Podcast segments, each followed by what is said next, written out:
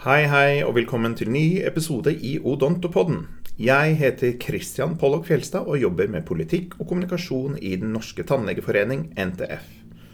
Odontopodden er som alltid en podkast for alle som vil snakke bitte lite grann om tannhelse, og alt som har med det å gjøre. Vårt mål er å skape de gode samtalene som vekker interesse og gir kunnskap til bruk i heis, i taxituren eller rundt middagsbordet. Og denne gangen så kom høstferien, gikk høstferien, og på den første mandagen etter høstferien så arrangerte vi i Tannlegeforeningen et frokostmøte om TOO-ordningen. Denne ordningen for torturutsatte, overgrepsutsatte eller de som bare lider av odontfobi. Det var mye å lære i løpet av den timen vi hadde debatt, men du verden så spennende. Og det er bare å glede seg. Her kommer møtet i sin helhet. Vel bekomme.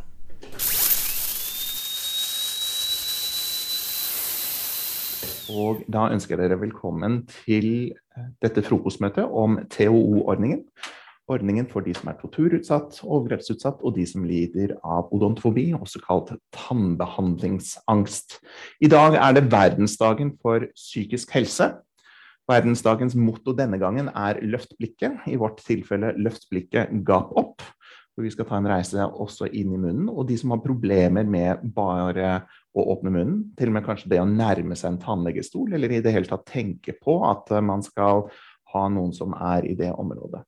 Vi begynner med en generell introduksjon med Ann Katrin Høyvik, som også har skrevet en doktorgrad om den første gruppen, de som har vært utsatt for tortur. Og på den måten setter vi ballet i gang. Så da tar jeg og gir ordet til Ann Katrin Høyvik, tannlege, universitetslektor og privatpraktiserende tannlegene. Vær så god. Tusen takk. Uh, ja, jeg står egentlig her med tre hatter, fordi jeg er da universitetslektor og privatpraktiserende, men jeg jobber også én dag i uken i TO-team på TKU. Så jeg møter uh, gruppene i TOO fra flere vinkler. Uh, og jeg vil begynne med en liten tekstmelding jeg fikk fra en pasient for et par år siden som jeg har fått lov å lese opp, som illustrerer litt hvor vanskelig det kan være for noen å gå til tannlegen. Dette var rett og slett fra en tekstmelding, SMS. Til å begynne med, jeg var sikker på at de bedøvelsessprøytene skulle lamme meg, og jeg skulle dø hver gang jeg kom til deg, og ikke komme ut igjen. Og instrumentene dine skulle torturere meg, og sekretæren skulle holde meg fast. Sånn var det inni meg. Store forhandlinger inni meg før vi skulle dra av gårde til deg.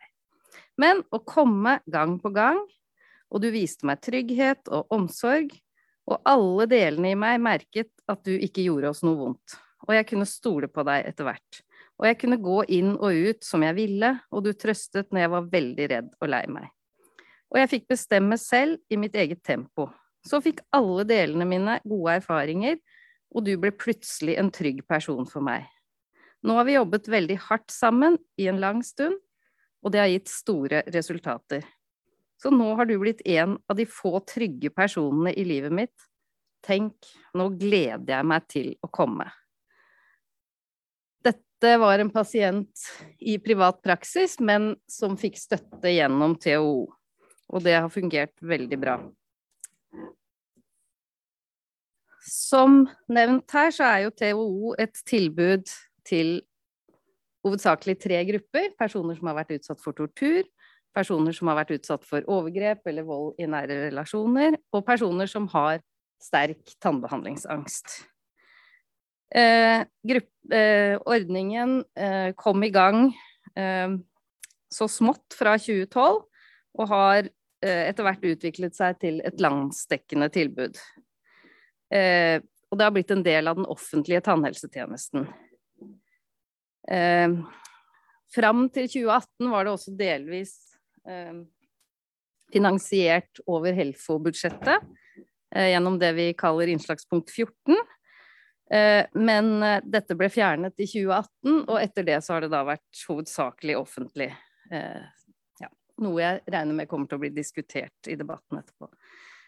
Min hovedkompetansegruppe, torturoverleverne, ser vi per i dag veldig få av i THO-systemet. I den rapporten som ble skrevet i 2021, eh, sier de at vi har møtt ca. 20 torturoverlevere per år.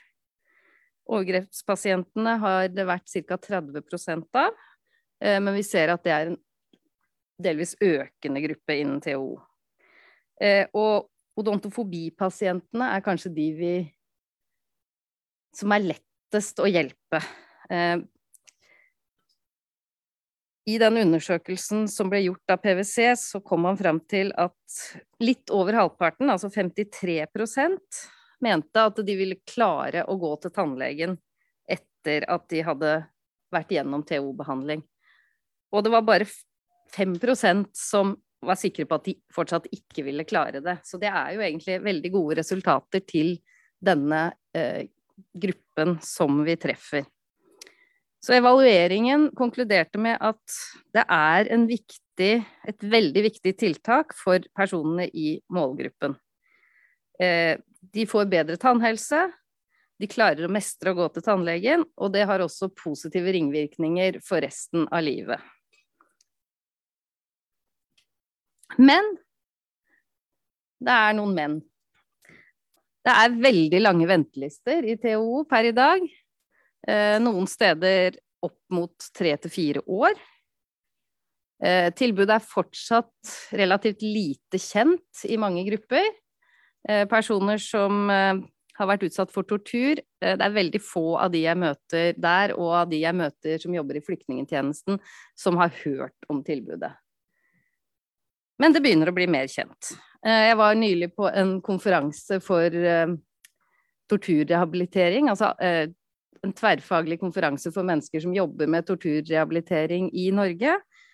Og de sier at hvis du googler torturrehabilitering eller behandling til torturutsatte i Norge, hva er det som kommer opp? Jo, det er tannhelse.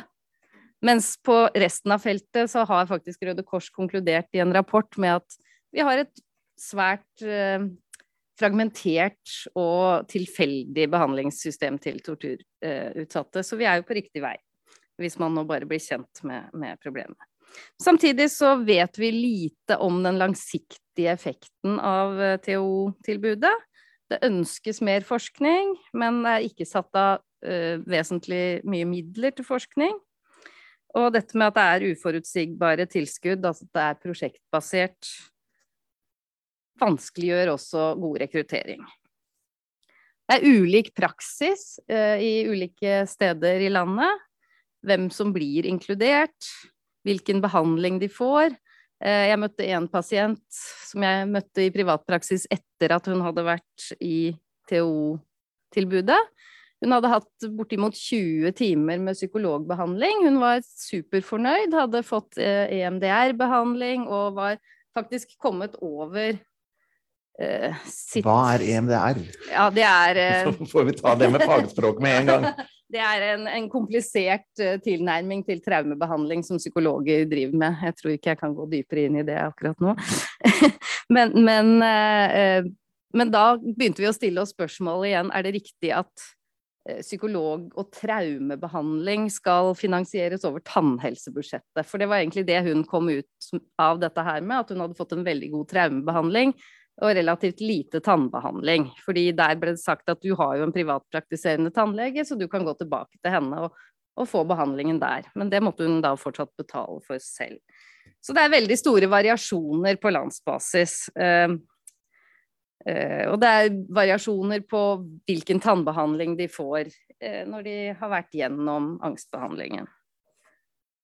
Og hva skjer med de som faller utenfor? De som rett og slett blir f.eks. Eh, definert som for syke til å motta TO-behandling. For det skjer også. Hvilket tilbud har vi til dem? Så kan man tenke at de kanskje har et offentlig tilbud et annet sted, men det er ikke alle de menneskene som faktisk er på institusjon, selv om de er for syke til å motta et TO-tilbud.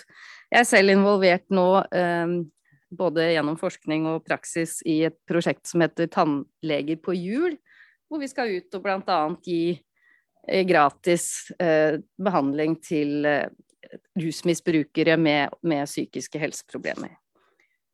Og da kan man jo også stille seg spørsmålet i Norge i dag skulle det være nødvendig med frivillig innsats blant eh, norske tannleger for at de svakeste gruppene skal få uh, tannhelsen satt i stand.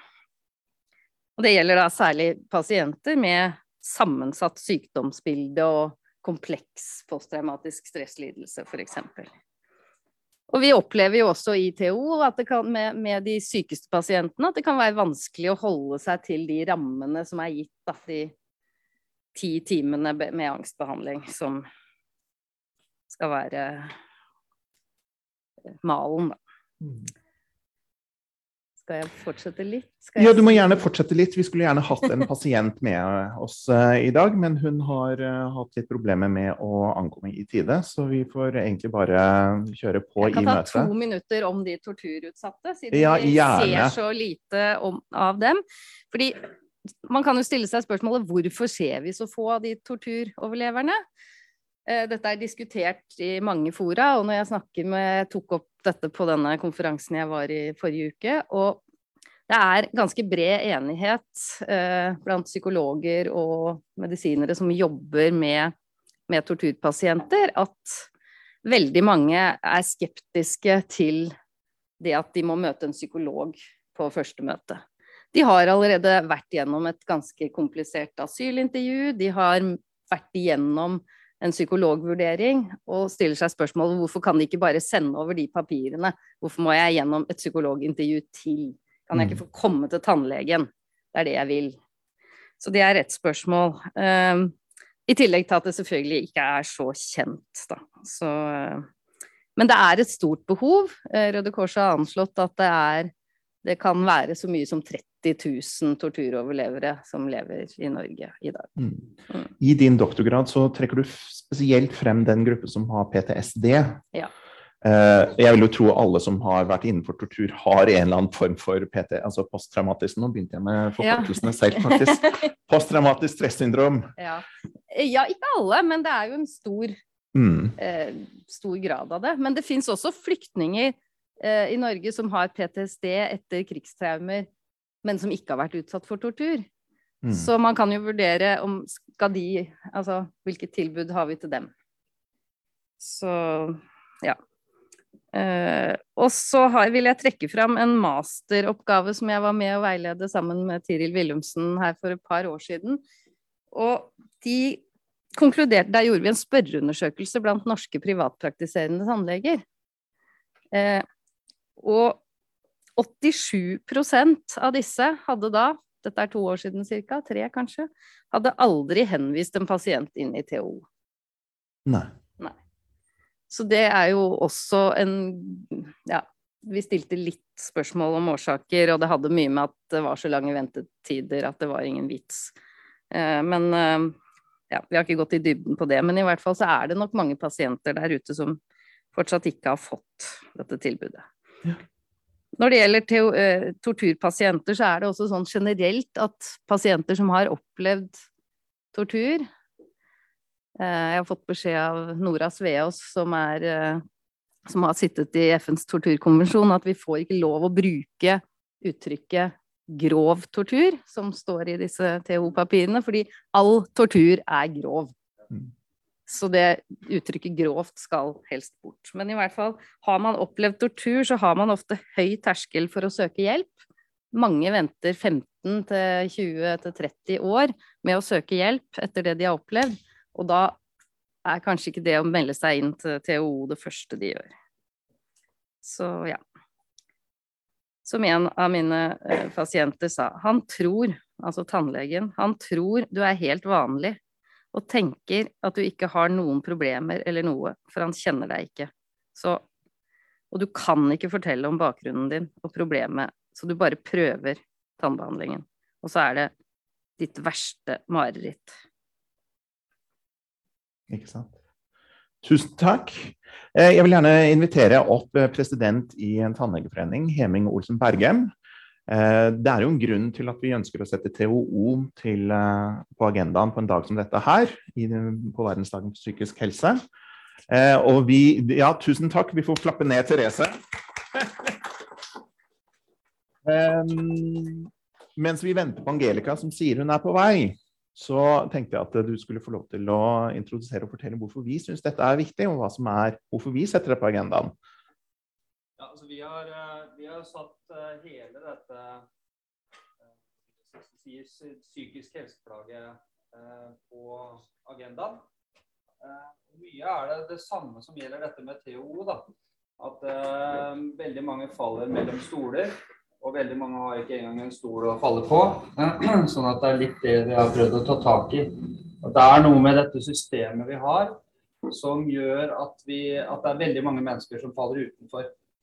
Uh, og det samme hører vi jo litt her sånn, at vi vet, vi vet 30 000 eh, som, uh, som, skulle ha vært inne i et system som ikke er det. Mm. Og da kan man si at det systemet ville kollapsa hvis det hadde kommet 30 000. Men det er det er noe med det å, å, tilrettelegge for et tilbud til de som trenger det mest. Og det er jo det vi har vært opptatt av. Ikke sant. Så Det er en av de uh, tingene vi skal jobbe med nå, som vi jobber med i Tannlegeforeningen, og som helt sikkert også Tannhelseutvalget skal jobbe med. Det er, det er, et viktig område. Og så er det det å finne hvem er det som trenger det mest. da. Det er også vanskelig. Det er vanskelig som å si hva, hvor mye tannbehandlingsangst skal du ha før du får et fullverdig tilbud Eh, hvor mye skal du ha før du må til psykolog? Eh, det er eh, vanskelig å finne alle disse gradene. Sant. Så det, kjære Angelica, som nå har ankommet kan jeg bare be deg få lov til å ta av jakken, selvfølgelig, og så skal du få lov til å komme opp her. Um, psykisk helse og oral helse, ett og det samme, har jo vi i mange situasjoner sagt, i hvert fall. Eh, det er, altså, vi er ett helt menneske. Det går ikke ut, Vi klarer ikke å komme utenom dette. Nei, nei, vi har jo jobba hele tiden for at munnen skal tilbake i kroppen. Ikke sant? Eh, og det er jo litt trist i det hele tatt at vi er nødt til å kjempe for det. Mm. Eh, så det er det, det, har vært liksom vår, vårt mantra nå i sikkert i 20 år at vi skal ha jobbet med dette. Så det, det er ikke noe nytt. Ja. Eh, det som er eh, kanskje nytt, er at vi også får nå veldig mange av de andre helseprofesjonene med på laget. At de også ser det. De mm. ser nødvendigheten av å få oss inn i dette systemet. Mm. Så det, det, er veldig bra. Veldig. Tusen takk for den introduksjonen. Kjære Angelica, du skal også få lov til å komme opp. Angelica er Angelica Kjos, eh, velkommen til deg. Eh, du må gjerne stå akkurat her. Hvis det er noen som lurer på hva som skjer med mikrofonene, de fanger opp lyd til streamen, men ikke til rommet. Dessverre. Så alt skal læres i dette tilfellet.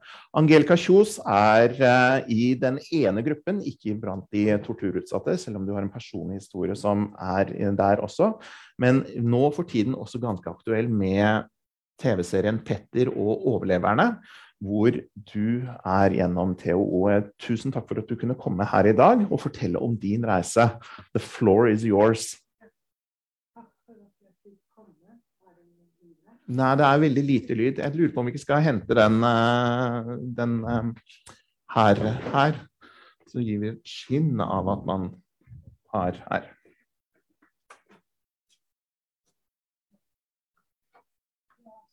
Jeg tror kanskje da må teknikken på plass.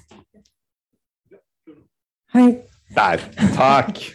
Takk for at jeg fikk komme til eh, det viktigste frokostmøtet. Jeg er en forkjemper i forhold til THO-behandling. Jeg har sjøl kjent det på kroppen, hvordan det er å gå i den behandlingen.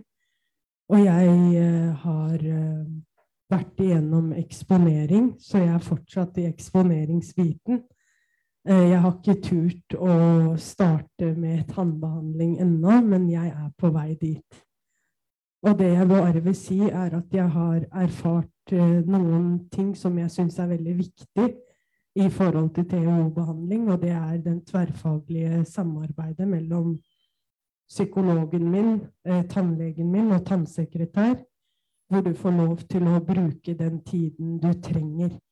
For det her er veldig tøft for kroppen, og det vekker opp masse traumer og minner som gjør at man på en måte gjenopplever alle smertene.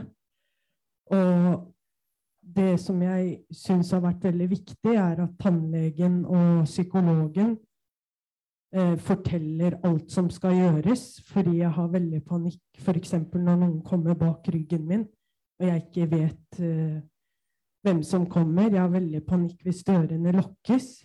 Så døra må alltid være åpen. At jeg skal ha mulighet bare til å kunne gå ut av rommet.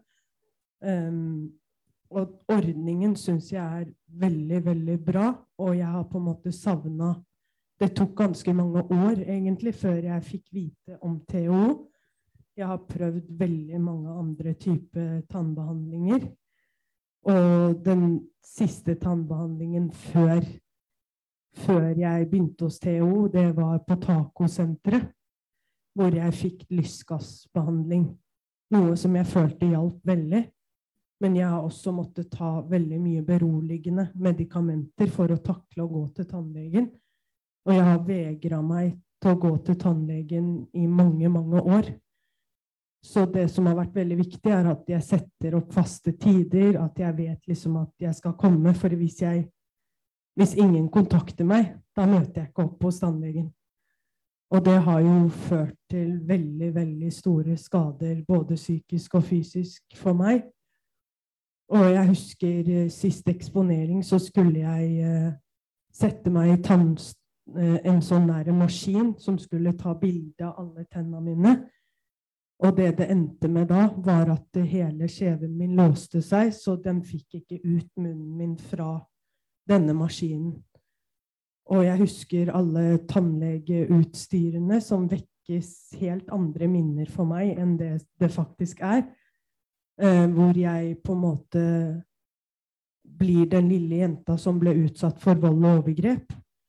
Og jeg eh, tenker at liksom speilet og tannlegeutstyr er utstyr som blir brukt under tortursituasjoner, hvor jeg plutselig får bilder av at de tingene er noe helt annet. Mm. Så det som er veldig avgjørende for TO-behandlingen, det er at uh, vi fortsetter å gi god eksponeringstid, og at det er veldig, veldig god tverrfaglig jobbing hele veien. Og at man skal på en måte oppleve å bli møtt og fortalt absolutt alt som skal skje i hver minste detalj. Mm. Fordi det er ikke noe kult å sitte i TO-behandling og få full panikkangst og kjenne at, måte at du bare har lyst til å løpe ut døra. Da må det være folk som er lært opp til det her, og, og folk som på en måte kan, kan um, trygge deg på at det er ikke farlig, vi er her og nå. Vi er ikke der i de situasjonene du opplevde som barn.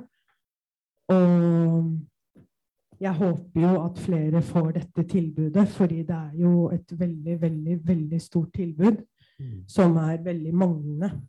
Fordi jeg ser at veldig mange jeg kjenner også, som har vært utsatt for vold og overgrep, de har ikke hørt om TO-ordningen. Det mm, har liksom tatt så mange år før jeg fikk vite om det. Mm. Og det var helt tilfeldig, egentlig. I det programmet du deltar Petter og overleverne, så er det jo flere som tar opp dette issue med at de har utfordringer med, med tennene sine. Da. Mm. Så det går jo over et bredt spekter, og mange, mange, berøres av den tann, tannbehandlingsproblematikken som de åpenbart trenger å få løst. Mm. Og så er det jo slik at det er veldig la, altså, hvordan, altså, Du kom innom, innom Tacosenteret, og Tacosenteret, da er vi inne i en spesialisert tjeneste. Mm. Så du burde kanskje hvordan skulle, hvordan skulle jeg sørge for at du kom inn i dette før? Og hva, hva må gjøres? Altså, jeg tenker sånn fra jeg var barn, hvis det hadde fantes Barnas hus når jeg var barn, mm så skulle jeg allerede vært inne i bildet når jeg var elleve år og barnevernet tok meg. Mm. Altså det å tenke at det å være utsatt for vold og overgrep, det har senskader også med munnen og mm. tannhelse. Og for meg så har jeg aldri hatt noen problemer med å pusse tenner eller hygiene og sånn. Det er ikke det som har vært problemet mitt. Det har vært den vegringen og angsten mm. for at noen skal liksom gjøre inngrep inni munnen min og være så tett på. Ja. Og jeg mener at det må på banen allerede fra du er barn, og bli tatt veldig alvorlig når du ikke sant, Overgriperne mine ble dømt. Det, det, er veldig rart å tenke at barn som har vært utsatt for overgrep halve livet sitt, ikke har vært utsatt for overgrep inni menn. Um, så det tenker jeg er veldig, veldig viktig. Å mm. starte tidlig, og at barnevernet f.eks. kunne henvist meg til TO-behandling. Uh, og hvor mange det er, vet vi jo ikke. um, i det store og det hele når det gjelder alle de som er i, i Norge per dags dato av, av, barn som er under oppvekst. Vi vet litt om de som er torturutsatt og kommer fra utlandet. Mm. og Det er jo mange tusener det er snakk om uansett. Så det er jo et ganske stort system som må bygges opp uh, og rustes opp uh, i, i det tilfellet. Du har jo hatt gleden, eller gleden og gleden, men du er jo inne i et løp nå mm. eh, og kommet et stykke. Du mm. har, hvordan, tror du, hvordan tror du du går videre? Hva er neste steg for deg? Altså Det eneste jeg syns er veldig sånn dumt da med THO-behandlingen, hvis jeg skal være helt ærlig, det er i forhold til at jeg har små barn. Mm. Det har vært covid. De har vært vanvittig mye syke. Jeg har vært mye syk. Mm. Og det jeg ble fortalt i THO-behandlingen min nå, er at vi må vurdere om du kan fortsette. Fordi at fraværet er høyt. Det er det når du har to små barn, og du har alle sykdommer fra barnehagen og, og sånn. Og det handler ikke om at jeg ikke er motivert eller ikke ønsker å gå i den behandlingen, men det handler bare om at er du syk, har du halsbetennelse, så har du halsbetennelse. Du mm. kan liksom ikke gjøre noe med det. Mm. Må du ha barn hjemme fra barnehagen, så må du det. Mm.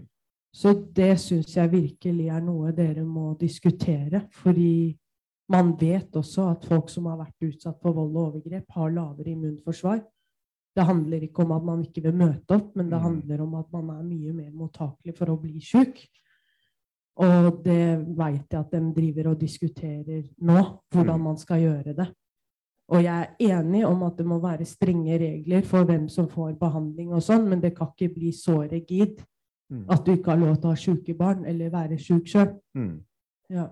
Så det med fravær er noe som jeg virkelig oppfordrer alle til å se på. Mm.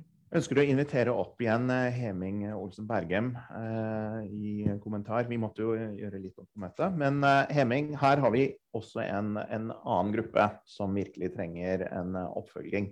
Og Det ene var de som kommer utenfra, torturutsatte, gjerne flyktninger. Eh, men eh, Angelica beskriver jo også sin egen altså situasjon som en tortur, ikke mm. bare overgrep. Og det kan du jo skjønne. Ja, ja det skjønner vi jo godt. Uh, og så er det jo, Dette er jo psykologen og psykiaterne sitt spesialistområde, så vi skal ikke gå dypt inn i grenseoppganger og sånt. Men, men, men det er jo selvfølgelig hvordan du Det å få deg til å kunne håndtere eh, en type tannbehandling det er jo det som er liksom, hovedmålet med en del av den uh, behandlingen. Da. Og det er jo viktig at vi får til på en sånn god måte som mulig. Derfor syns jeg det er veldig bra at vi har fått et sånt TO-system som er offentlig, som, som, som, er, som styres i forvaltningen. Eh, og så ser jeg, positivt, ser jeg, positivt, på det at man har fått til en, en bedre liksom, Eh, altså man samhandler mellom det, tannhelsetjenesten, offentlig og privat, men også at man samhandler i, i mye større grad eh, fra tannhelsetjenesten til de andre tjenestene. Mm. Eh, og, og, skal man få til litt sånne ting som du nevner nå, med dette med å, å, å kunne få lov å ha syke barn og få lov å være syk sjøl, og, og, at man også får den samhandlingen med andre, altså kommunale psykologtjenester og sånt, så, så må man liksom, vi er nødt til å være en helhet. da. Mm. Ikke bare stykket opp i at tannhelsetjenesten skal håndtere alt dette. Mm. Hva tenker du? Jeg skal snart få lov til å takke deg av og ønske de andre velkommen. Har du en, en oppfordring eller en, en, utfordring til dem på veien? Altså, det jeg tenker er det viktigste, er å fortelle hva som skal skje. Trygge pasientene på at uh, det kan bli bra. Mm og trygge dem på at de faktisk har lov til å bruke den tiden. Ikke at man føler at det er systemet som må legge opp til rette for når du skal kjenne deg klar. Mm. Men at man faktisk må sjøl kjenne på Det er jo det jeg syns er veldig annerledes med THO-behandling, er at man får lov til å ha så mye brukermedvirkning. Da, får lov til å på en måte være med og legge opp litt sin egen behandling i forhold til å skrive mestringsplan og de tingene, og det er det som på en måte er avgjørende. At ikke man slipper tak i disse pasientene før man faktisk har etablert en viss form for trygghet da, til at man faktisk kan finne seg en tannlege på sikt og klare å oppsøke tannlegen sjøl. Jeg ser Heming gjorde seg klar til å tegne seg debatt. Det får du ikke nå. For nå skal vi takke av Angelica. Tusen takk. Angelica er med oss helt mot slutten av møtet òg. Eh, og så vil jeg ønske velkommen Hilde Fott Toven og Therese Barmen Fredriksen og vår eh, eh, Arbeiderpartiets representant i dag, Even Rød, som sitter på Stortinget, opp til den videre biten av debatten her. Eh, jeg lurer på om det var kanskje mer komfortabelt å bruke den, for det høres ut som man liksom er med i møtet. Og så tenkte jeg faktisk at jeg skulle, før jeg gir deg ordet igjen, Hemming, utfordre Hilde på det vi har hørt hittil. For nå har vi jo både vært gjennom den generelle presentasjonen av THO, vi har gått ned i dette med flyktning- og kulturbiten, vi har møtt disse med overgrep. Eh, og så var det jo oppfordringen til Angelica om å sy dette systemet rundt. Men eh, altså direktør for eh, kompetansesenter her på Østlandet. Eh, noen valg må tas, noen prioriteringer må tas.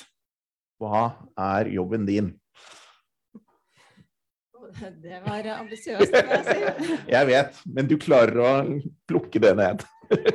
Men det har vært veldig interessant å høre på Angelica. Eh, og det hun sier, er eh, mer informasjon om eh, tilbudet. Gjør det mer synlig. Få ned ventetidene.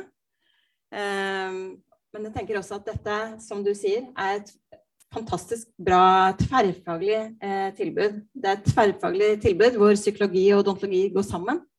Eh, hvor man sammen klarer å lage det som passer for disse pasientene. Eh, og så har vi selvfølgelig en del utfordringer rundt eh, ventelister. Eh, få det godt etablert og forutsigbart over tid. Eh, og det er også ja, det er viktig å bygge kompetanse og kunnskap rundt dette tilbudet. Uh, men jeg tenker at uh, du gir et godt bilde på hva som fungerer, men også hva som er viktig for å få det til å fungere i, um, i fremtiden. Vi har tatt til oss erfaringene fra pasientene, og det sier også evalueringen noe om. Men vi trenger å bli tryggere på TO-tilbudet. Mm. Og Hvis jeg går over til Therese før jeg går til Heming. Eh, du er jo psykolog og første steg i behandlingskjeden. da. Eh, hva er dine erfaringer rundt, altså fra evalueringen og hvordan veien er videre? Vi hører Angelica som har da hatt en lang eksponeringstid, men nå får beskjed om at nå må vi gjøre noen valg her. Det må jo gjøres noen valg? Ja, det må alltid gjøres noen valg. Um, det kanskje Angelica også uh, er et bilde på, er hvor komplisert det er. Og hvor viktig det er med uh, tverrfaglig kompetanse, da, sånn at man utfyller hverandre. Og så er jo ikke TOO et traumebehandlingstilbud. men mm. dilemmaet vårt er jo at pasientene kan velge mellom å unngå tannbehandling og da slippe å bli minnet på alt det vonde, eller de kan oppsøke tannbehandling og må da eh, bli på en måte konfrontert med de tingene som de prøver å glemme for å fungere i hverdagen. Så det dilemmaet står vi i hele tiden.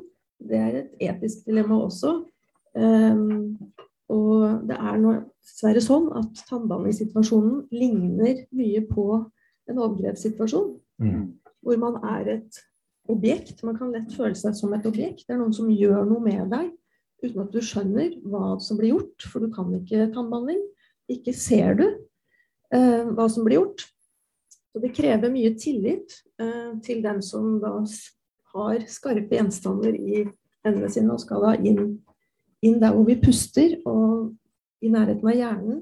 Så det er en ganske sånn potent situasjon for enhver, vil jeg tro, mm. eh, å tillate andre å komme så nær.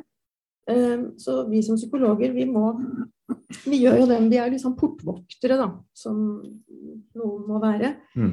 Eh, og da skal vi jo for det første vurdere på en måte retten, eh, om pasienten har rett til behandling i TO. Men fyller kriteriene. Og det neste vi skal vurdere, er jo om den vi har overfor oss, kunne egne seg eller kan ha nytte av den behandlingen vi har tilbud av i dag. Så det er liksom to ting. Mm.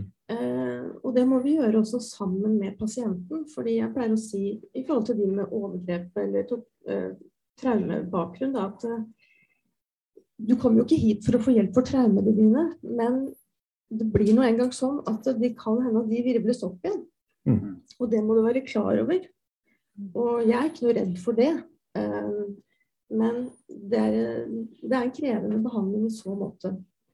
Um, og så tenker jeg at psykologens Psykologenes oppgave i TO er å bistå uh, pasienten selvfølgelig og tannlegen, men også vurdere når det er viktig å henvise videre. Mm. Og kanskje henvise samtidig.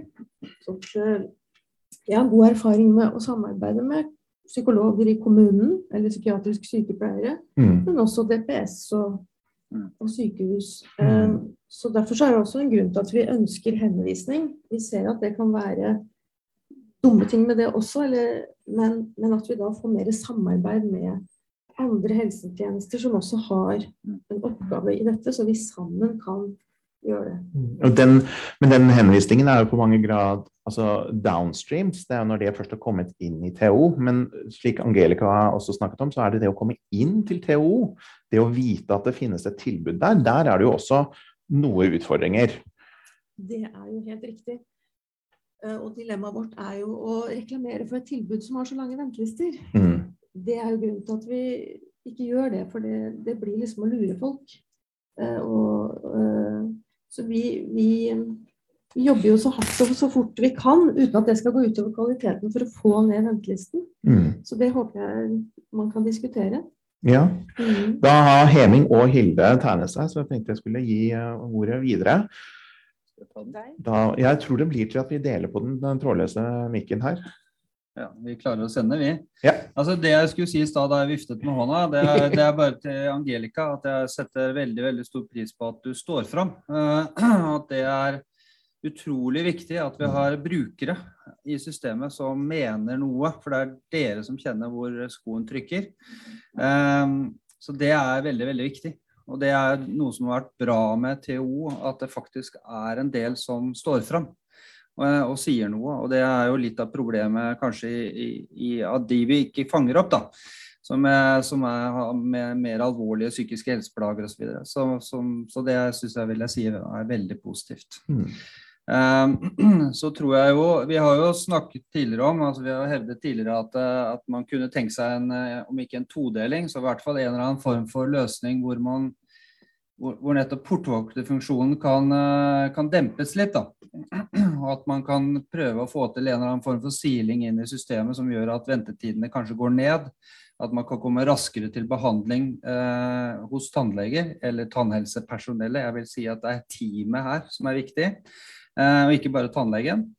Eh, og så er det det å finne, finne gradene i dette her. fordi at eh, hvis vi begynner å gå ut med det, så vil vi nok også fange opp eh, ganske mange flere eh, og mer alvorlig syke eh, enn det vi har nå i dette systemet. Mm. Og Det er litt av det som har vært sett i den evalueringen som har kommet også, at, at man skiller egentlig ikke mellom Nå fikk vi høre at det var veldig få eh, torturoverlevere eh, i dette systemet, og, og det skulle vært mange, mange flere.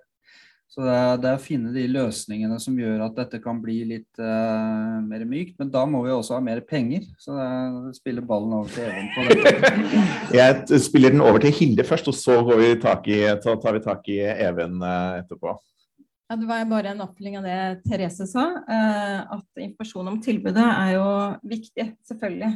Men det har vært det store dilemmaet. Hvordan informere om et tilbud som ikke er reelt, hvor du må vente flere år. Mm. Eh, men nå har vi jo sett en økning på statsbudsjettet i inneværende år eh, og tilsvarende neste år. Og det er jo en positiv sak som gjør at vi på landsbasis har klart å bygge opp noe mer. Mm. Eh, så må vi se effekten av de midlene vi fikk i år, kanskje neste år. Mm. Det tar litt tid å bygge opp flere team. Og øke deres kompetanse også. Men jeg vil også si, som Angelica sa, når du googler det var kanskje Ann-Katrin som sa det, når du googler tannlegeskrekk, så kommer nå i hvert fall den nasjonale nettsiden på TO ganske langt opp. sånn mm. at uh, og det er vel det folk eh, og pasienter også gjør. Eh, hva, skal jeg gjøre for å få hjelp til dette problemet mitt? Mm. Triggerordet var tannlege... Nei, triggerordet var statsbudsjettet, faktisk. Så da går vi over til Even før vi går til Therese. Ja, altså, først og fremst er det jo øh, greit å si at i fjor så økte vi i vårt, øh, vårt opplegg med 60 millioner på TO-ordningen. Eh, og det er et ganske klart og tydelig signal. for eh, Når man setter i gang et sånt arbeid som vi gjør nå, med, med, med de utredningene vi skal gjøre fram til 2024, så er det å begynne å bruke penger inn i et system noe man eh, ofte ikke gjør. da, eh, Fordi at eh, man ønsker å gjøre vurderingene først, og så finne ut av hvor er det sånn at man bruker penga på riktig sted. Men her har vi en ordning som er så åpenbart riktig at, eh, at vi, vi, ser det som helt uproblematisk å kunne bruke penger på ordningen tidligere. Og vi vet at køene er veldig lange. Og så tror jeg at vi nå skal bruke den ganske kraftige økningen man hadde på TO i fjor, eh, og på en måte implementere det og få det på plass. Eh, og så må vi se på, eh, se på det videre. Og så er det jo som dere har hørt fra alle som sitter på Stortinget og har noe som helst med statsbudsjettet å gjøre, at vi er i et veldig stramt budsjett. Det er krevende økonomiske tider. Dette har dere hørt mange ganger, men det er helt sant at det er sånn. Og at vi da har klart å, å, å verne de midlene er veldig viktig. Så jeg raskt legge til at jeg, jeg syns det er så bra når vi får de diskusjonene vi har hatt her nå. For at nå diskuterer man TO-ordningen som et, eh, som et, et tilbud. Eh, et faglig tilbud. Innholdet. ikke sant? For Veldig ofte når man diskuterer det her politisk, så handler det om at man får gratis tannbehandling. Og det er bra.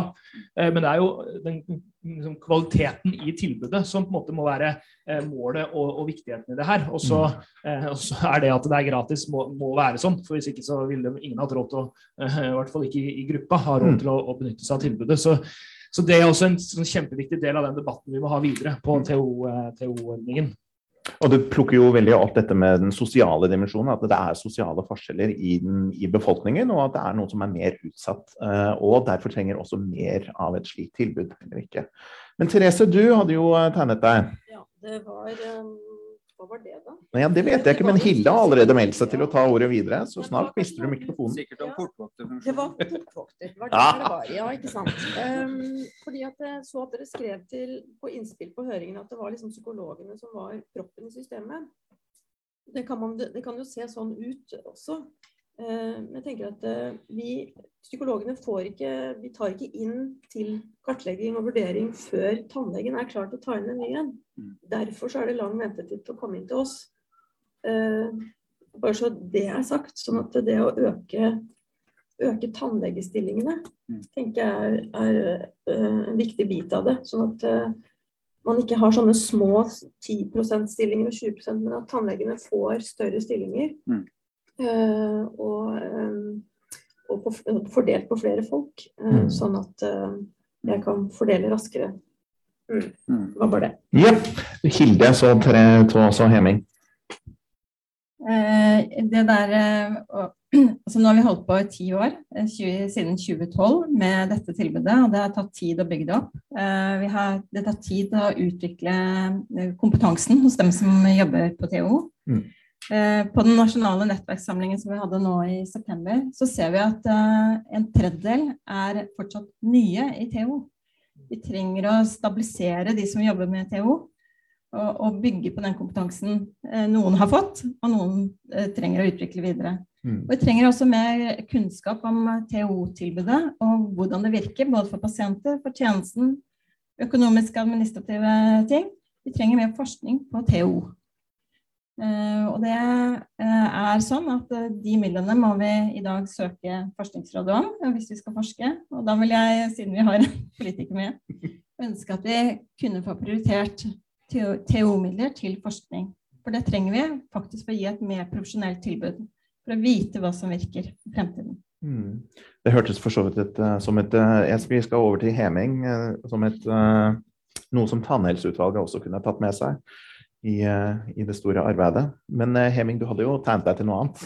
ja, jeg vil bare si støt, Vi støtter jo alltid at eh, som også universitetsansatt, at forskning er viktig. Mm. Så det, det, det, det, er veldig viktig. Jeg tenker jo til dette Litt av det som vi ser er litt av problemet, da, det er at, at ja, man står lenge i kø for å komme inn i TO. Og så snakker dere om at det skal over i det kommunale helsevesenet i tillegg til psykolog der. da. Og Der vet vi også at det er ventetid. Eh, sånn at har, Mange av de som er brukere i systemet, de, de må dobbeltvente eh, for å komme, komme, godt i gang med denne type behandlingen. Der må vi prøve å finne en måte å løse det på. Hvordan tannhelsetjenesten i helhet da, kan samarbeide i mye større grad med den kommunale helsetjenesten, og kanskje også til og med spesialisthelsetjenesten. For er, når vi skal utbygge dette sykehusodontologibiten også, som det også har fått midler i, i denne gangen, så, så er, det, er, det, er, det, viktig både at TO brer seg litt. Eh, man kan skaffe mange flere tannleger som kan gjøre behandling, eller tannhelseteam er riktig å si der igjen, eh, som kan gjøre god behandling og gi god understøttelse for nettopp psykologene. Da. Så er det selvfølgelig alltid behov for flere psykologer, men det er det jo i hele Norge. Så, det, så sånn er det bare. Men uh, jeg tror det er viktig å finne en måte å løse det på, sånn at ikke man blir stående i doble, doble køer. Altså, det mm. ville tatt, tatt, bort motivasjonen for uh, i hvert fall meg. Ikke sant. Eh, du må gjerne gi mikrofonen til uh, Therese, så jeg tenker å utfordre Even litt etterpå det. Men dere, det er mulighet for å stille spørsmål fra salen også, så da er det bare å, tegne, og Tiril tegne seg med en gang. Da vet vi, da vet vi det. Therese, vær så god. Jeg hadde bare lyst til å si at jeg er veldig enig med deg i akkurat det. Og at uh, når jeg får en pasient inn, da, uh, så, så, er det ikke sånn at jeg sier 'kom tilbake når du ikke er så traumatisert'. Mm. Så, for vi starter jobben da. Men da må vi eh, ta hensyn til at personen er såpass dårlig som den er. Sånn at vi kjører heller parallelløp. Mm. Kanskje blir det narkose, kanskje blir det eh, Ja, ikke sant. At vi starter, starter en jobb. Så de blir ikke satt på en ny venteliste. Nei. Så er det jo sånn at vi har bygd opp veldig. Og vi har pasienter som på en måte ut ifra kriteriene ikke Vi kan ikke skrive de ut av TO. For de fyller ikke kriteriene for å kunne motta ordinær tannbehandling. Så vi trenger også et sted å, å skrive de ut til. Mm. Eh, eh og, og, hvordan det skal finansieres. Mm. Og for det er også en propp i systemet for oss at vi, vi får dem ikke videre. Um, det var en ting til. Men, uh, Kanskje vi kommer tilbake til det. Nei, eh, altså jeg tenkte bare vi har, I spesialisthelsetjenesten har man jo disse kriteriene alvorlig nytte og ressurs. og det virker som vi nå, og Etter Blankholm-utvalget så har vi også da jobbet med å få dem inn i primærhelsetjenesten. Men det virker da også til å være til stede i TOO at uh, det, vi må bruke disse kriteriene. Eh, og Det er jo vel og riktig, men vi får geografiske forskjeller. Altså Det er alt mellom hva, to til fire år noen steder. Eh, altså Hvordan er det vi skal gripe tak i dette? Og jeg tror, altså Litt av tingen er at eh, nå sier vi at finansieringen til dels er til plass, og kanskje kommer det mer. Det vet vi ikke. Men nå er det organiseringen vi må jobbe med. Eh, og det skal vel ikke du egentlig jobbe så mye med, men du får jo noen oppfordringer på diverse ting, da.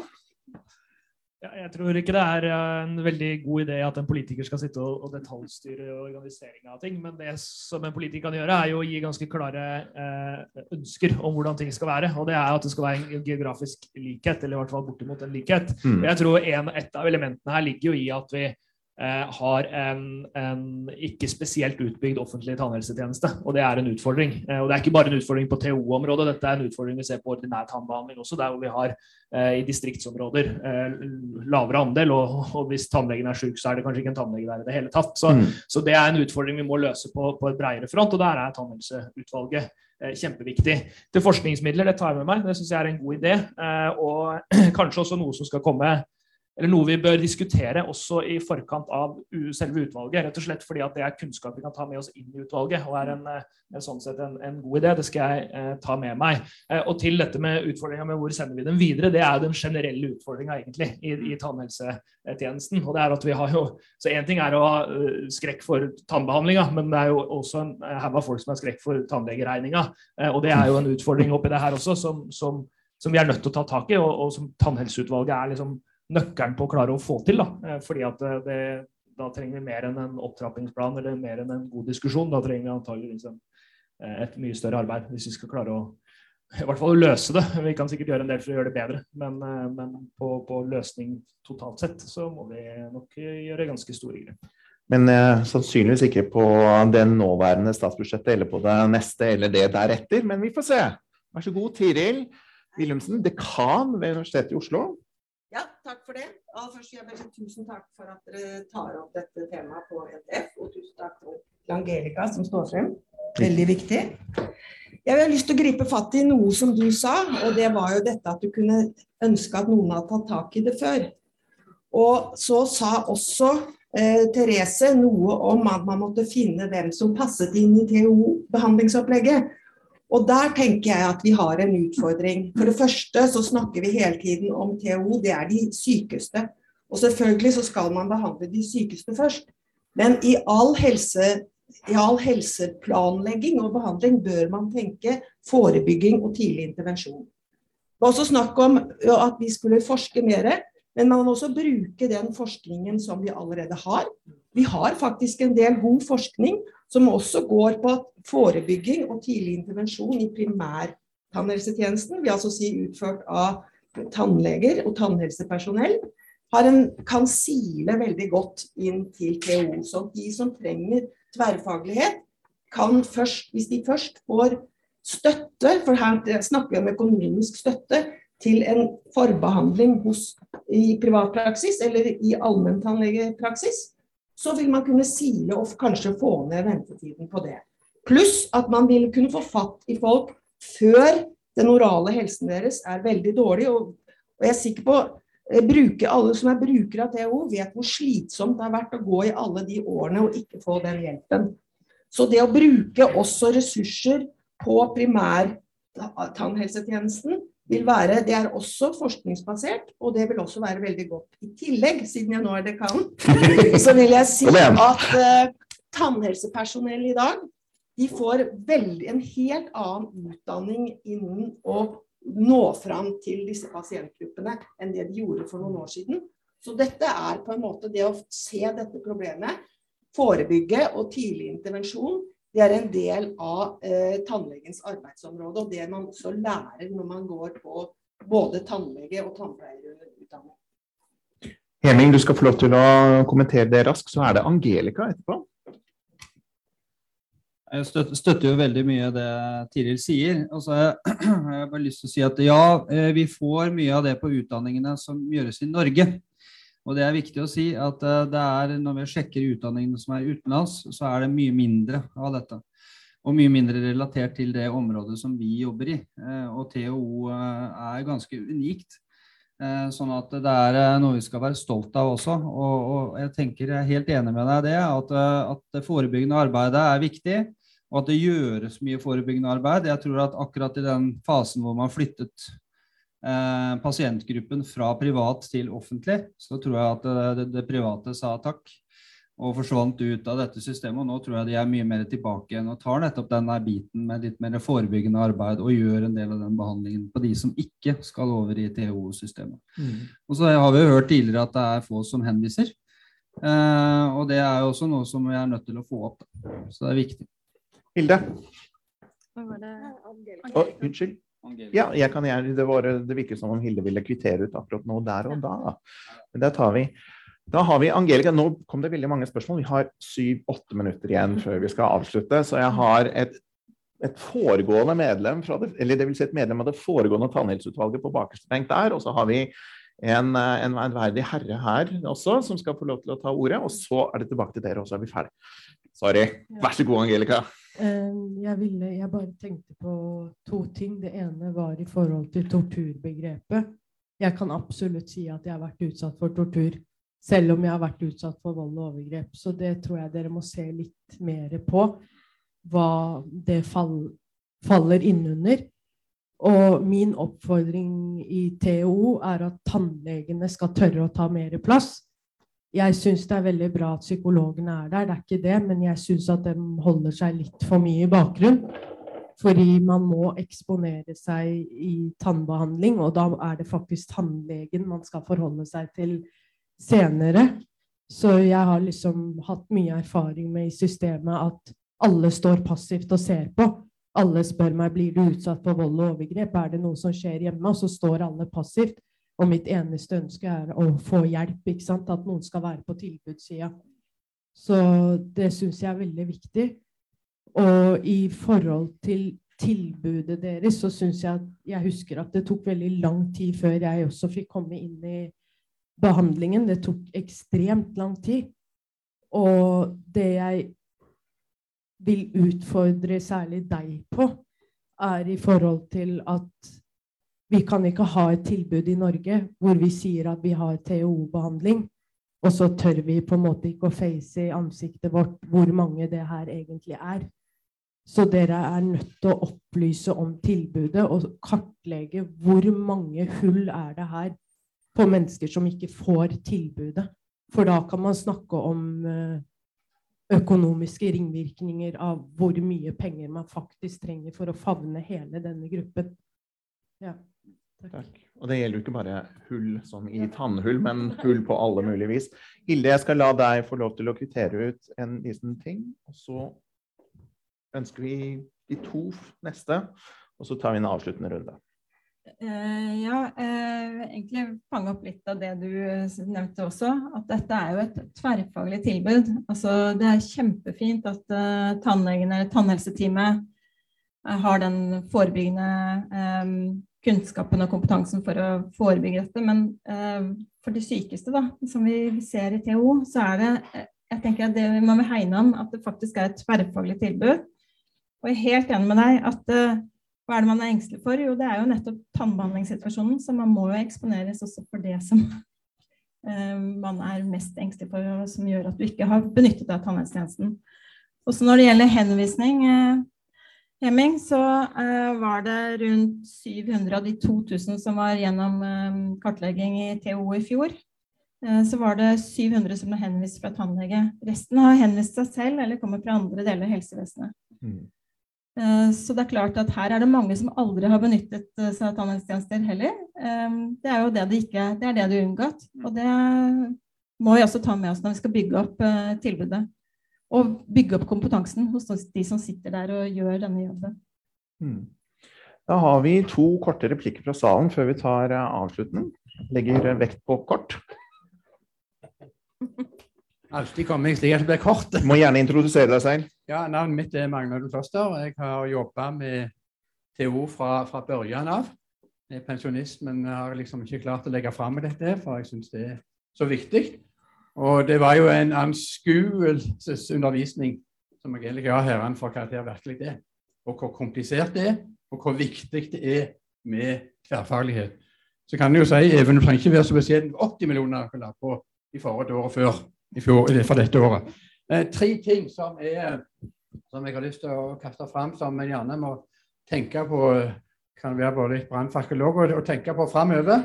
Og det var en ting som Angelica tok tak i, det var dette hvor tidlig skal en sette inn en forebygging her. Og jeg tror den offentlige tannhelsetjenesten må satse mye mer på at òg denne problematikken og ikke minst denne kompetansen må inn blant unger, slik at en kan forebygge veldig tidlig den å jobbe i Rogaland, så begynte vi litt med det, men det er ikke like lett alltid å få både midler og, og ressurser til, til, å gjøre det.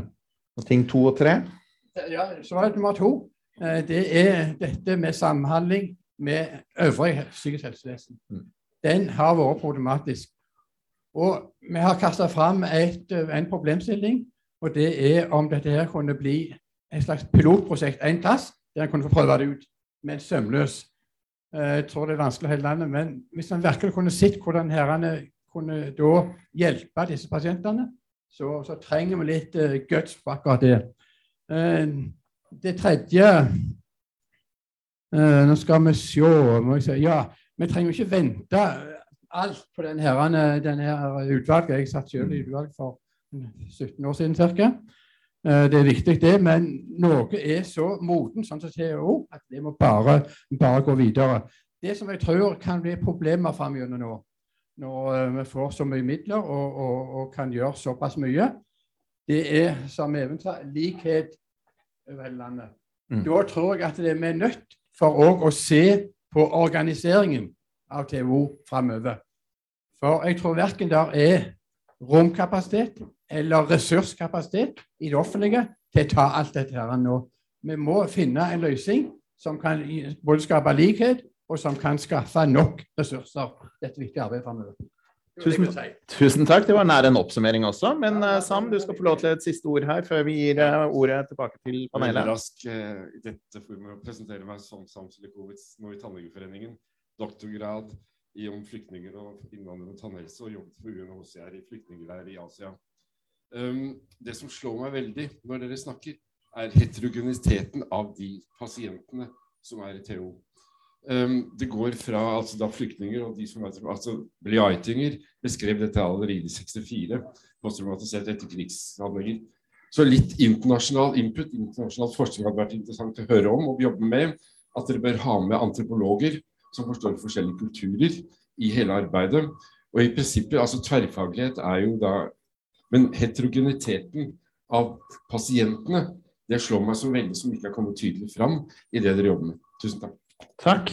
Da tenker vi bare tar runden her, om det er noen avsluttende ord. Så har vi ca. et halvt minutt til 45 sekunder hver. Ja, altså Nesten ingen kommentar å ta tak i. Jeg tar tak i det Angelica er inne på. Ja. Eh, mm. At her er det veldig mange som ikke får et tilbud, og at vi ikke har finansiert det godt nok opp. Det er helt riktig. Eh, og det er også en av grunnene til at eh, den regjeringa som jeg eh, ikke er en del av, men som støtter på Stortinget, eh, satser på tannhelse. Og det har vi gjort med 80 millioner. Jeg ser du, jeg husker til og med feil, og runda ned med 20. Så det, så det er en ganske stor sum og en ganske stor mm. økning. Og Det må vi se på videre, og så må vi se på hele systemet, hvordan det fungerer. For det er som du er inne på, det blir en kapasitetsutfordring på et eller annet tidspunkt også, når dette skal gjøres i det offentlige helse, helsevesenet, eller offentlige tannhelsetjenesten. Eh, så, så, har vi også utfordringer der vi må klare å løse. Og, eh, og det eh, kommer til å ta litt tid, men jeg tror det er viktig at vi, at vi klarer å gjøre det sammen. Og så må dette her ikke være det siste møtet vi har om TO på den måten her. Nei. Det må heller være det første i en veldig lang rekke, for da kommer vi til å finne mange gode løsninger sammen. Kunne til og med hende at det private kunne hjelpe det offentlige. Therese? Ja. Jeg tenkte å avslutte med altså, Hvis Tiril sier det at uh, tannlegene i dag får en annen opplæring, ikke sant? Og hvis de kan gjøre CBT-behandling eller angstbehandling eh, i førstelinje, så er jo det veldig gode nyheter. Eh, og det er gode nyheter også for fylkestannlegene i forhold til å bruke da, den type kunnskap inn i det offentlige også at flere kan gjøre det. Og det er veldig riktig det du sier, at er, de er jo så forskjellige. Og det er litt rart at uh, man har puttet odontofobi som en diagnose, og så er det de andre har opplevd noe. Mm. Så bak der ligger det jo mange forskjellige typer mulige psykiske lidelser som beskriver eh, traumatisk oppvekst. Mm. Så vi må ikke falle i den gru, måte, den grøfta og tenke at dette er enkelt og, og sånn, men vi må ha mye mer finmaska sortering av hvem skal hvor, og hvem kan gjøre hva. Mm. Så, mm, og så Kom igjen. Så I Vestfold, der hvor jeg jobber, eh, så har vi hele tiden hatt privatpraktiserende tannleger, siden du nevnte det. Så vi gjør angstbehandlingen, og så overfører vi til private. Mm. Og det har vi veldig god erfaring med. Vi har én offentlig, resten er private. Uh, og det, det, er noe å tenke på, i og med at det er, er det 70 som er private. Mm. Ja. Hilde? Uh, for å få til uh, bedre geografisk likhet, så tenker jeg at det er viktig å, å etablere større stillinger. få til mer stabilitet, mindre gjennomtrekk. og også ha større utstrakt samarbeid med, mellom offentlig og privat tjeneste. Og selvfølgelig en god førstelinjetjeneste for, eh, for å forebygge eh, og ta tak i eh, det før det blir alvorlig. Men TO blir et godt og viktig andrelinjetjenestetilbud. Når det gjelder eh, finansiering, så må man jo se på det. Eh, og jeg tror vi fortsatt trenger eh, midler til å bygge opp et solid, forutsigbart tilbud for fremtiden. Um, og det kan godt hende at det skal være en annen type finansiering, men den finansieringen vi har til nå, med, med øremerket tilskudd, har vært eh, helt nødvendig for å bygge opp dette tilbudet over disse årene. For å bygge opp kompetansen. Det hadde ikke skjedd. Eh, all den kompetanseøkningen og, og den utviklinga av dette fagområdet hvis vi ikke hadde fått uh, øremerket tilskudd. Så selv om man snakker kanskje om en annen type finansiering for fremtiden, så har det vært helt, helt nødvendig for å prioritere TO. Da er det president Heming Olsen Berge. Jeg syns det er sagt utrolig mye bra her. Jeg har lyst til å uh, trekke én ting inn som vi ikke har snakka om. og Det er den veilederen i god klinisk praksis som er uh, grunnlaget for hva slags type behandling de får av tannlegene. Den er fra 2011. Uh, eh, det er gammelt. Og Det er viktig at sånne ting som, som, også skal understøtte hva er det vi faktisk skal gi dem når de er klarer å få en type behandling, den må også følge liksom, et oppdatert system. Da. Der er det nemlig sånn at Har du liksom vært utsatt for tortur eller, eller vold, eh, fått slått ut alle tennene, eller at det er en effekt av det har ført til at du ikke har noen tenner igjen, så er det proteser uavhengig av alder eh, som, som, står i veilederen. og det, Sånn kan vi ikke ha det i Norge i dag. Så det er viktig at sånne understøttende systemer, sånn som veiledere fra Helsedirektoratet og sånn, også følger tiden. Eh, og følge med i dette systemet. Og Det er også en, en, av de viktige tingene som jeg tenker at THO-systemet må være med på å bidra til også. Det å formidle den kunnskapen og øke den kunnskapen og få til at systemene rundt det også passer, passer til. og så formidle til befolkningen. Um, og ikke være så redd for at det skal komme veldig mange. Uh, for det kan det fort gjøre, men uh, det er litt sånn at vi skal hysje det litt ned for at det ikke skal komme for mange. Uh, men, men, vi må gjøre det motsatte. Vi må synliggjøre hvor mange er det som faktisk har dette behovet i Norge i dag. Mm. Tusen takk. Jeg vil gjerne rette en spesiell takk til Angelica, som er aktuell i, i TV-serien 'Petter og overleverne'. Angelica er her litt etterpå hvis dere ønsker å snakke med henne og høre litt mer om hennes historie. Hun har også skrevet bok, hvis det er noen som er interessert i den. Jeg ønsker å takke Ann-Katrin Høyvik, Hilde Boktoven, Therese Barvin Fredriksen, Even Rød og selvfølgelig vår president Heming Olsen Bergen. Det er et kor her i byen i Oslo som heter ambisjon, eller det heter ikke, de har motet 'Ambisjoner over evne'. Eh, akkurat nå føler jeg kanskje at min, det oppsummerer mine evner til møteledelse og ønsker å plassere ting innenfor én time. Det klarte vi ikke. Det er åpenbart behov for mange møter om TO, og jeg ønsker velkommen til det ved senere anledning. Tusen takk for oppmøtet i dag, og hei og ha det bra.